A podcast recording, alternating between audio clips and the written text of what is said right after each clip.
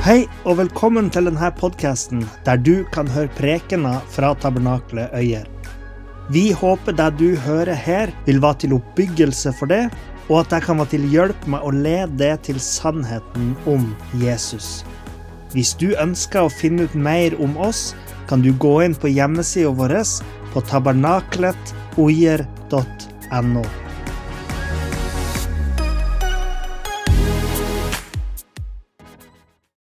kan vi bare be en kort bønn for preken. Herre Far, jeg bare takker deg for eh, samværet her. Jeg takker deg for at du er her òg til stede sammen med oss. Og, eh, og, gjennom ditt nærvær så kan vi få lov til å kjenne sannheten i ditt ord. Herre, eh, hjelp meg å være et instrument for det her i kveld. I Jesu navn. Amen. Vi går rett på teksten, vi. Eh, og vi skal jo til Filipperbrevet, som har blitt nevnt, eh, til kapittel 2, vers 1-11. Der står det Derfor, om det da er noen trøst i Kristus, om det er noen oppmuntring i kjærligheten, om det er noe samfunn i ånden, om det er noe hjertelag og barmhjertighet, så gjør min glede fullstendig ved å ha det samme sinnelag og den samme kjærlighet, og være ett i sjel og ha det samme sinn. Gjør ikke noe ut fra selviske ambisjoner eller lyst til tom ære, men enhver skal med et ydmykt sinn akte de andre høyere enn seg selv. Ingen av dere må bare trakte etter det som er best for dere selv, men også etter det som gagner andre. La dette sinn være i dere som også var i Kristus. Han som da han var i Guds skikkelse, ikke holdt det for et tilrannet gode å være lik Gud, men han uttømte seg selv, tok på seg en tjeners skikkelse og kom i menneskers likhet.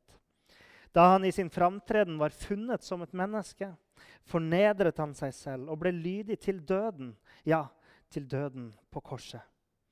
Derfor har også Gud opphøyet ham og gitt ham navnet som er over ethvert navn, for at i Jesu navn skal hvert kne bøye seg, deres som er i den himmelske verden, og deres som er på jorden, og deres som er under jorden, og for at hver tunge skal bekjenne at Jesus Kristus er Herre, til Gud Faders ære. Så Vi fortsetter i dag serien som handler om menigheten i Filipp Filippi, der vi tar utgangspunkt i uh, Filippe-brevet og ser hva Paulus skrev til de. Og Her så er det noen virkelig fantastiske vers. Kanskje noe av det vakreste og mest opphøyde avsnittet om Kristus i alle brevene til Paulus. Samtidig, hvis vi skulle oppsummert alle disse versene i ett ord, bare for å gjøre det litt enkelt, så ville jeg oppsummert det med ordet ydmykhet. Prøv å følge med i denne tankerekka. Eh, så skal vi se, se, om vi har samme sinn etter hvert. Han Paulus han understreker at filipperne skal ha samme sinn. Det skal være et ydmykt sinn der man tenker mer på andre enn på seg sjøl. Og dette sinnet skal være det sinnet som var i Kristus. Og så fortsetter Paulus å beskrive det her med hvordan Jesus ydmyker seg sjøl, fornedrer seg sjøl i lydighet. Med andre ord så, så, får Paulus fram her at Jesus hadde et ydmykt sinn, og der er sinnet vi òg skal ha. Altså Vi som troende skal ha samme sinn, et ydmykt sinn. Og det her felles sinnet som vi skal ha, er jo Kristi sinn. Og Kristi sinn er ydmykt. Så la meg derfor si noen ord om ydmykhet. Når jeg hadde skrevet mastergradsavhandlinga mi eh, på Menighetsfakultetet, og jeg skulle skrive forordet til det eh, fordi Hvis du ikke kjenner til eh, skriveprosessen, så er det jo sånn at man skriver hele avhandlinga, og så skriver man forordet til slutt. Så det er mer et etterord enn et forord på en måte. Men det er jo sånn man gjør det. Eh, så hadde jeg skrevet ferdig, og så ville jeg skrive forordet. Og der så ville jeg skrive at prosjektet hadde vært ydmykende. Men at noe er ydmykende, har jo kanskje ikke den beste klangen alltid. Har det det? Man kan, si, man kan se på sporten, og så kan de si ja, han ble helt ydmyket i dag. Men det var ikke det jeg mente. sant? Jeg mente det som en, som en god ting, som noe godt som hadde skjedd meg med. Og Derfor så omformulerte jeg det til det litt mer omstendelige uttrykket 'det har gjort meg mer ydmyk'. Og alle i salen tenker bare men Niklas er jo ikke ydmyk i det hele tatt. Nei, Så da kan du tenke dere til hvordan jeg var før. Men jeg er jo tross alt nordlending, så sånn er det. Men poenget mitt var jo at jeg hadde blitt mer ærbødig overfor den tematikken jeg hadde skrevet om. og sånn. Så vi skjønner jo da at ydmykhet er ikke noe, eh, noe negativt, egentlig. I hvert fall ikke utelukkende, sjøl om det ofte brukes på den måten. Eh, I ordboka heter det at ydmykhet kan bety f.eks. å underkaste seg Guds vilje. Det kan bety at vi er underdanig. Og jeg vil kanskje også si at det kan bety sjøloppofrende. Men jeg tror òg at ydmykhet handler om å være ærlig om den vi er. Ydmykhet kan nesten defineres ut fra denne teksten som Paulus skriver om Kristus. I stedet for å være en eh, stolt og grisk og sjølhevdende Gud, så uttømte Jesus seg sjøl og kom i en tjenerskikkelse. Kristus kom ikke for å ta meg makt, men han kom for å gi av seg sjøl i fornedrelse, i ydmykhet. Han var Gud. Det er det som Paulus mener når han skriver at Kristus var i Guds skikkelse. Men han kom til oss i menneskets skikkelse. Med andre ord så ydmyka han seg sjøl. Jesus han var absolutt lydig. Lydig helt til at han var villig til å gå i døden for vår skyld. Så det her som Jesus gjorde for oss, det var den absolutte ydmykelse. Den ultimate ydmykelse. Og Jesus han sa i Johannes 15, 13 at ingen har større kjærlighet enn dette, at han gir sitt liv for sine venner. Så Kristi dypeste ydmykhet på korset viste seg å være den største demonstrasjonen av kjærlighet for mennesker. Hans ydmykhet, denne ultimate ydmykheten, ble òg tegnet på den største kjærlighet som har blitt gitt til oss. Det får meg til å tenke at kjærlighet og ydmykhet går hånd i hånd. For Paulus han skriver her i vers 3 og 4.: Enhver skal med ydmykt sinn akte de andre høyere enn seg selv. Ingen av dere må bare trakte etter det som er best for dere selv, men også etter det som gagner andre. Så Paulus bruker jo ikke ordet kjærlighet her, men vi ser at konseptet kommer til uttrykk i denne teksten. sant? Eh, for hva er det et ydmykt sinn her manifesterer seg som? Jo, det manifesterer seg i kjærlighet. ikke sant? Kjærlighet for andre. Vi ser det samme i Kristi kjærlighet, som manifesterer seg i den største kjærlighet gitt til mennesker.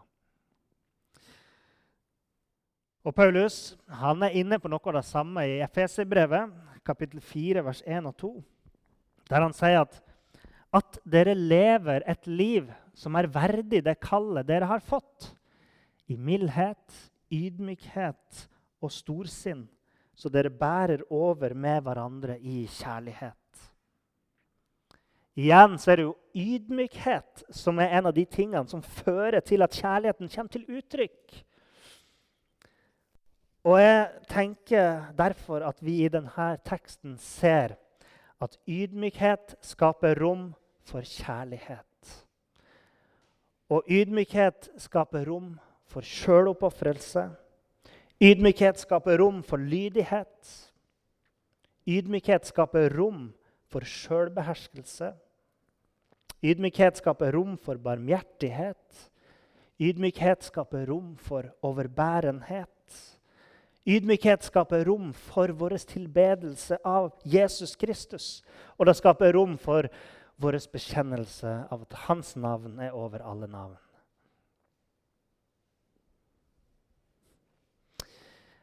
Det her var noe helt annet enn det filipperne hadde hørt om de her gamle gudene som de hadde i, i, i Rom og, og, og, Grekenland, Hellas og det området der. De her greske og romerske gudene, avgudene. Det var òg et helt fremmed konsept fordi at helten i historien var ydmyk. Det var uhørt, fordi heltene i datidens eh, eh, kultur var gjerne personer eller figurer som vi i vår tid vil kalle blodtørstige barbarer, brutale krigsherrer, hærførere som gikk i seierstog i byene sine, maktsyke diktatorer og smålige guder osv. osv. Vi kan jo alle se for oss et bilde av et sånn seierstog inn i Roma med jubel der keiseren kommer ridende inn, eller en general kommer ridende inn. Men bak der så lå det jo død og lidelse. Men så kom denne Kristus, verdens frelser, og viste seg i ydmykhet. Og noe av den samme tendensen som de ville hatt i, i, i antikkens Hellas, ville vi ha hatt her i Norge når eh, kristendommen kom hit. Og de vektla For på den tida så, så vektla de jo eh, at Jesus han, altså han, var jo da kjent under navnet Hvitekrist, eller Kvitekrist, som jeg ville ha sagt da. Og de vektla Kvitekrist som seiersherre. Og Man kan høre det hos Olav Tryggvason, Olav den hellige, som ifølge Snorres eh, saga sa de må la seg døpe eller drepe. Annet valg vil jeg ikke gi dem. Jeg skal med kraft styre hele Norge med Hvitekrist. Hvorvidt uh, Olav faktisk sa det her, er jo usikkert. Men hvis han gjorde det, så reflekterer jo kanskje ikke det helt den ydmykheten Paulus snakker om til filipperne. Det som fullstendig eh, utfordra deres kulturelle oppfatning av hva det var å være et stort menneske. Jeg har ikke brukt eh, mange år av livet mitt på å studere ydmykhet. Så jeg er kanskje ikke verdens fremste ekspert på området.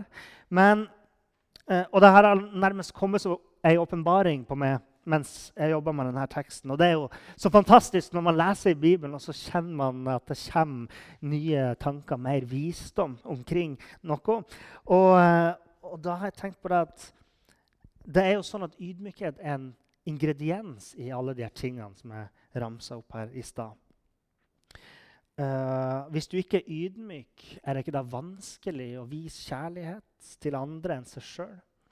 Hvis man ikke er ydmyk, er det ikke da vanskelig å være lydig? Hvis man ikke er ydmyk, er det ikke da vanskelig å være overbærende? Hvis man ikke er ydmyk, er det ikke vanskelig å tilbe Gud? Og så tenkte jeg på den andre sida hva er ydmykhet uten de her tingene? Hva er ydmykhet hvis det ikke innebærer kjærlighet? Hva er ydmykhet hvis det ikke innebærer sjøloppofrelse? Hvordan vil det se ut? Men vi kan se Guds, eh, Guds ydmykhet bl.a. i det at Kristus som Gud kom ned i menneskets skikkelse for å dø for vår skyld. Men samtidig ser vi det òg i Gud i det at Gud sender sin enbårne sønn til verden for at han skulle dø for vår skyld. Og vi ser det eh, i Den hellige ånd, som går i forbønn for oss. Tenk at Den hellige ånd går i forbønn for meg. Jeg er verdt det. Hvis vi mennesker er ydmyke, så sier vi òg noe sant om hvem vi er, og hvilken rolle vi har, som jeg var inne på i stad, da sier vi 'jeg, en arme synder'. Ekte ydmykhet er å snakke sant om den vi faktisk er. For oss så handler ikke ydmykhet om å si noe om hva vi tror vi er, eller hva vi tror andre vil høre at vi er. Eh, men vi sier vi sier hvem vi er, eller så blir det fort en falsk ydmykhet. Så hvis noen sier til meg for eksempel, at, at jeg er flink til å spille piano, og jeg svarer nei, nei, jeg kan ikke, Det er falsk ydmykhet. Ekte ydmykhet er at jeg svarer ja, jeg kan spille piano. Men Gud han er bedre enn meg, i hvert fall. Og jeg skal ikke prøve å bli bedre enn han engang. Det er ekte ydmykhet. Nei, nå overdrev jeg litt igjen. da. Men, eh, men ekte ydmykhet, da vil jeg si ja, jeg kan, jeg kan, jeg kan spille piano. Jeg er ikke den, er ikke den flinkeste, men jeg kan da. Så, så hør her. Paulus han skriver indirekte om det jeg snakker om nå. Eh, han, bruker, han, er ikke så utrolig langdryg som det er, da. men han sier at noen skal bøye kne for Jesus. Og han sier at noen skal bekjenne med sine tunger at han er herre. Hvem sine kne var det som skulle bøyes? Var det bare treslingene som skulle bøye kne for han? Nei, det var alle. Alle kne skal bøyes, og alle tunger skal bekjenne. Og hva sier det om meg? Det sier at jeg er en som skal bøye meg. Jeg er en som skal bekjenne. Og Hvis du aksepterer Jesus som herre i ditt liv, så vil all denne bøyinga og all denne bekjenninga føre til at du tilber. De her tingene konvergerer i tilbedelse. Hvis du virkelig har Jesus som herre i ditt liv. Så ydmykhet for oss er å bøye oss for Jesus og bekjenne at han er herre. Det er ydmykhet, for da sier vi noe sant om oss sjøl. Noe sant om vår posisjon i forhold til Gud. ikke sant? Så jeg vil si det her om det ydmyke sinnet som Paulus snakker om her.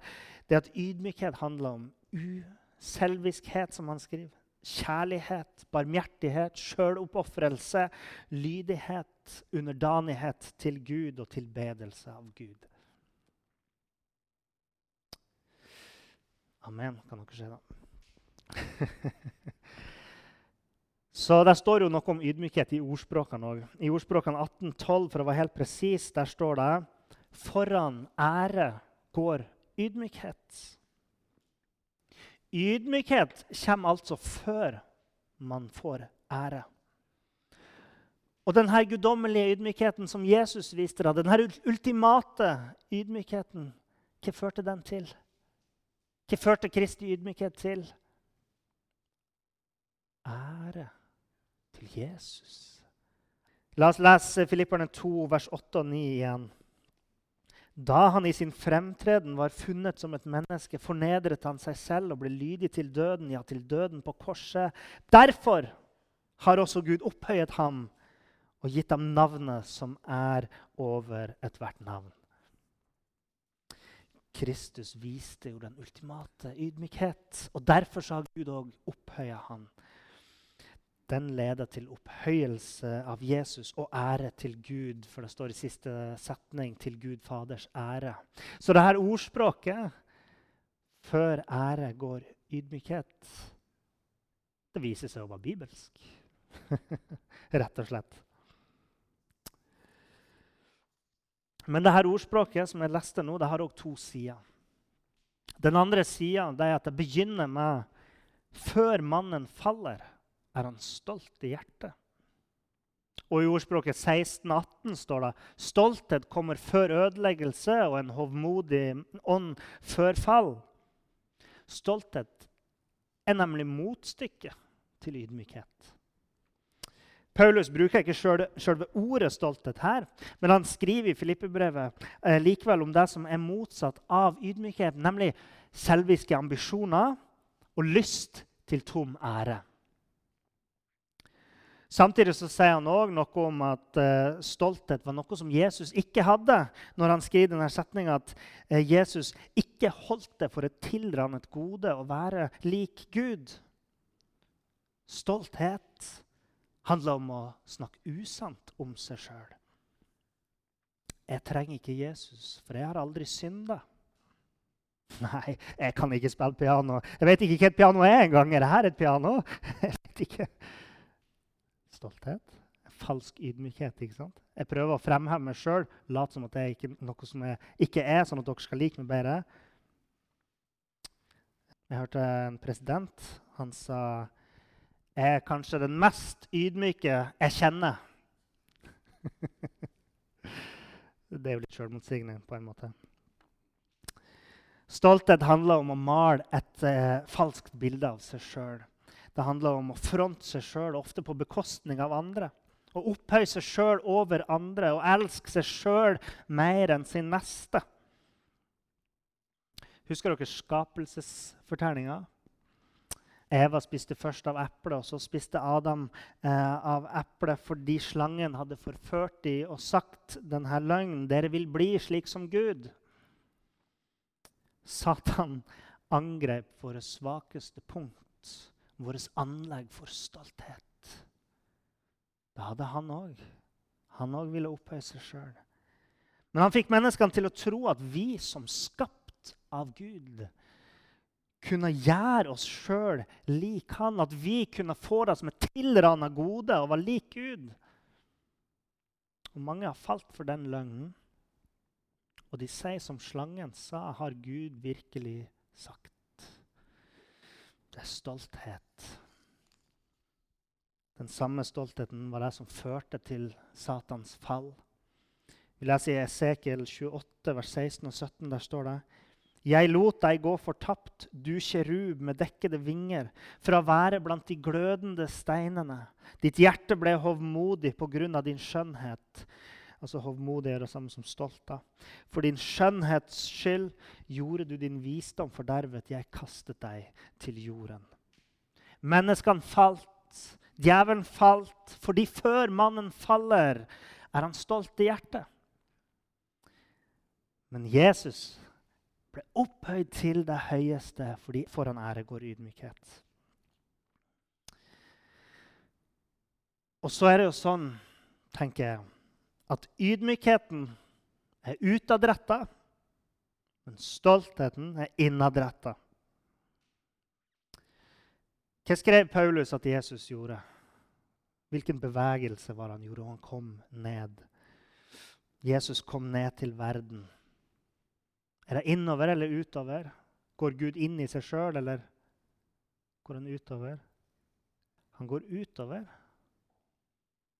I sin ydmykhet så beveger Gud seg utover og strekker seg ned til oss. Gud sendte sin sønn, sant? Jesus kom ned til oss for å bringe frelse. Utadretta. Fordi den, den ydmyke tjener andre enn seg sjøl. Den beveger seg utover i form av kjærlighet til andre. Men stoltheten er navlebeskuende, ser innover på seg sjøl. Hvor høy er min status nå? Hvor mye ære mottar jeg fra de andre nå? Fordi ydmykheten er utadretta, så vil jeg si at den gjør oss større.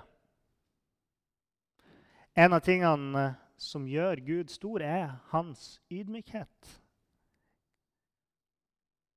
Stoltheten er innadretta. Den gjør oss mindre. Vi prøver å strekke oss, men vi når ikke opp. I stoltheten så prøver man å komme seg til himmelen, men man får ikke føttene av jorda engang. Men ydmykheten når vi, når vi tar imot uh, ydmykheten, så løfter Gud oss opp. Og med ydmykhet så kommer visdom. Og Kanskje har det noe med det at den ydmyke er en som lytter. Lytter til Gud, søker etter hans hjelp. Den er utadretta. Men den stolte forkaster Guds ord og sier at han trenger ikke Guds frelse innadretta. Han trenger bare seg sjøl. Så i dette inspirerende, oppløftende og forhåpentligvis ydmykende avsnittet som Paulus skriver her, så skriver han om eh, nettopp eh, hvordan Kristus hadde satt eh, det ultimate eksempel for oss på hvordan vi utøver ydmykhet. Vi er meint å imitere Kristi ydmykhet og hans lydighet og hans kjærlighet men og Jeg skal snart avslutte for de som var redd for at det skulle fortsatt veldig mye lenger. Jeg mener, Du kan ha så mye ydmykhet du bare vil, men hvis det ikke er ydmykhet for Gud, så hjelper det ikke så mye i det lange løp. Jeg blir jo ikke frelst ved å ydmyke meg for det. Jeg beklager, du kan ikke frelse meg sånn uh, på den måten. Jeg blir ikke frelst ved å ydmyke meg for en politibetjent. Det vet jeg av erfaring. Jeg blir ikke frelst av det. Jeg blir ikke frelst ved å ydmyke meg for statsministeren eller for kongen eller for noen andre her på jorda. Men uh, Jakob skrev i uh, Jakobs brev kapittel 4 vers 10.: La dere ydmyke for Herren, for han Nei, og han skal opphøye dere. Og Peter han skrev i 1. Peters brev 5,6.: La dere derfor ydmyke under Guds mektige hånd, så han kan opphøye dere når tiden er inne. Det handler ikke bare om å være ydmyk, men det handler om å være ydmyk først og fremst for Herren.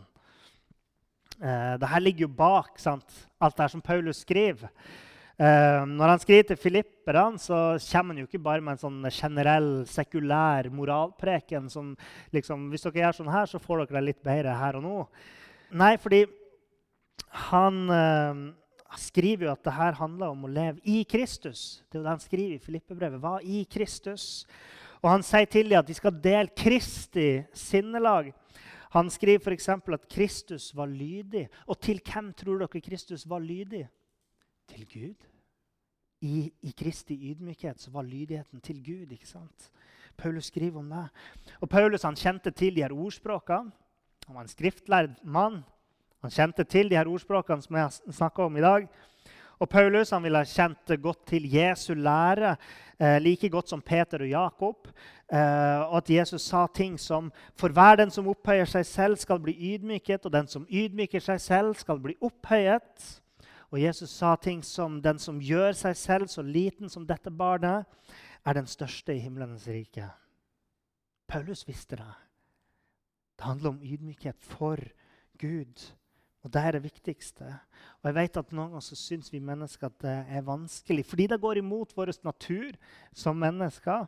Og det går imot vår kultur som vi lever i nå, som sier at vi skal framheve oss sjøl helt uhemma og være stolt av den vi er.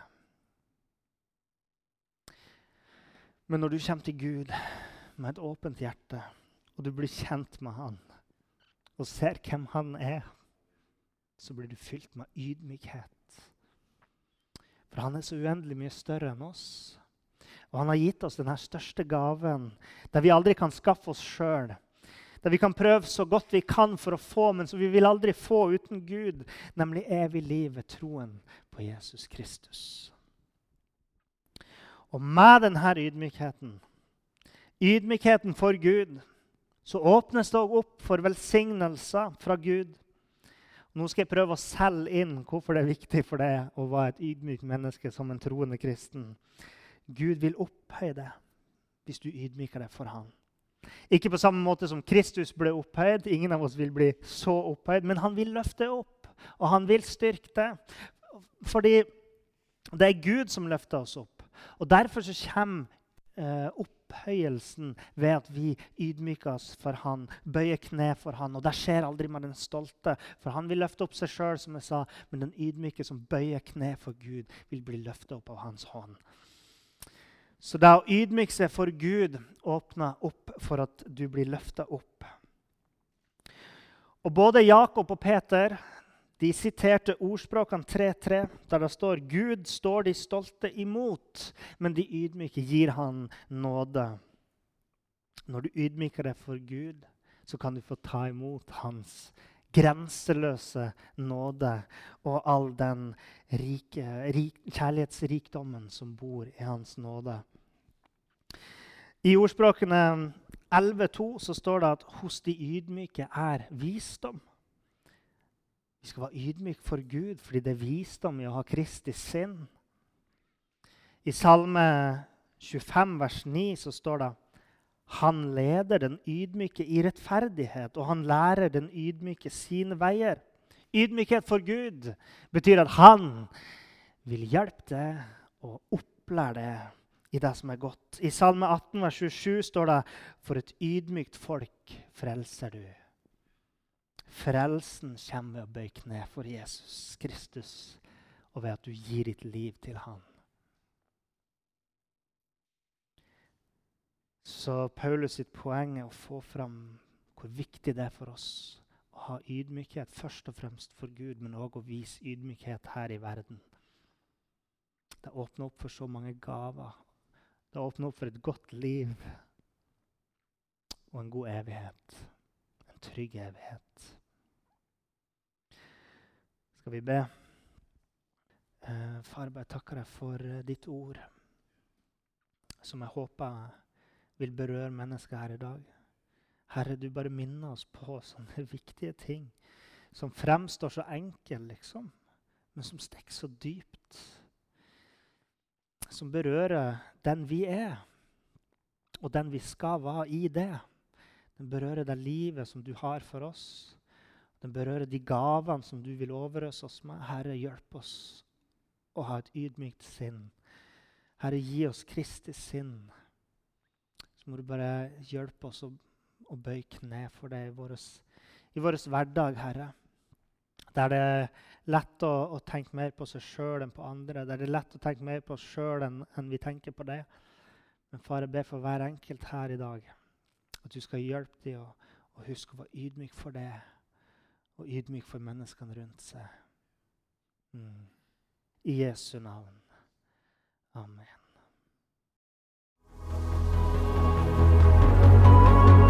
Takk for at du hørte på. Hvis du tok et steg i tro i dag, eller du har noe du ønsker forbønn for, så vil vi gjerne høre ifra det via e-postadressen kontakt alfakrølltabernakletogjer.no. Du er òg velkommen til våre ukentlige gudstjenester i menighetslokalet i Haugskutua 5 26 36 Øyer.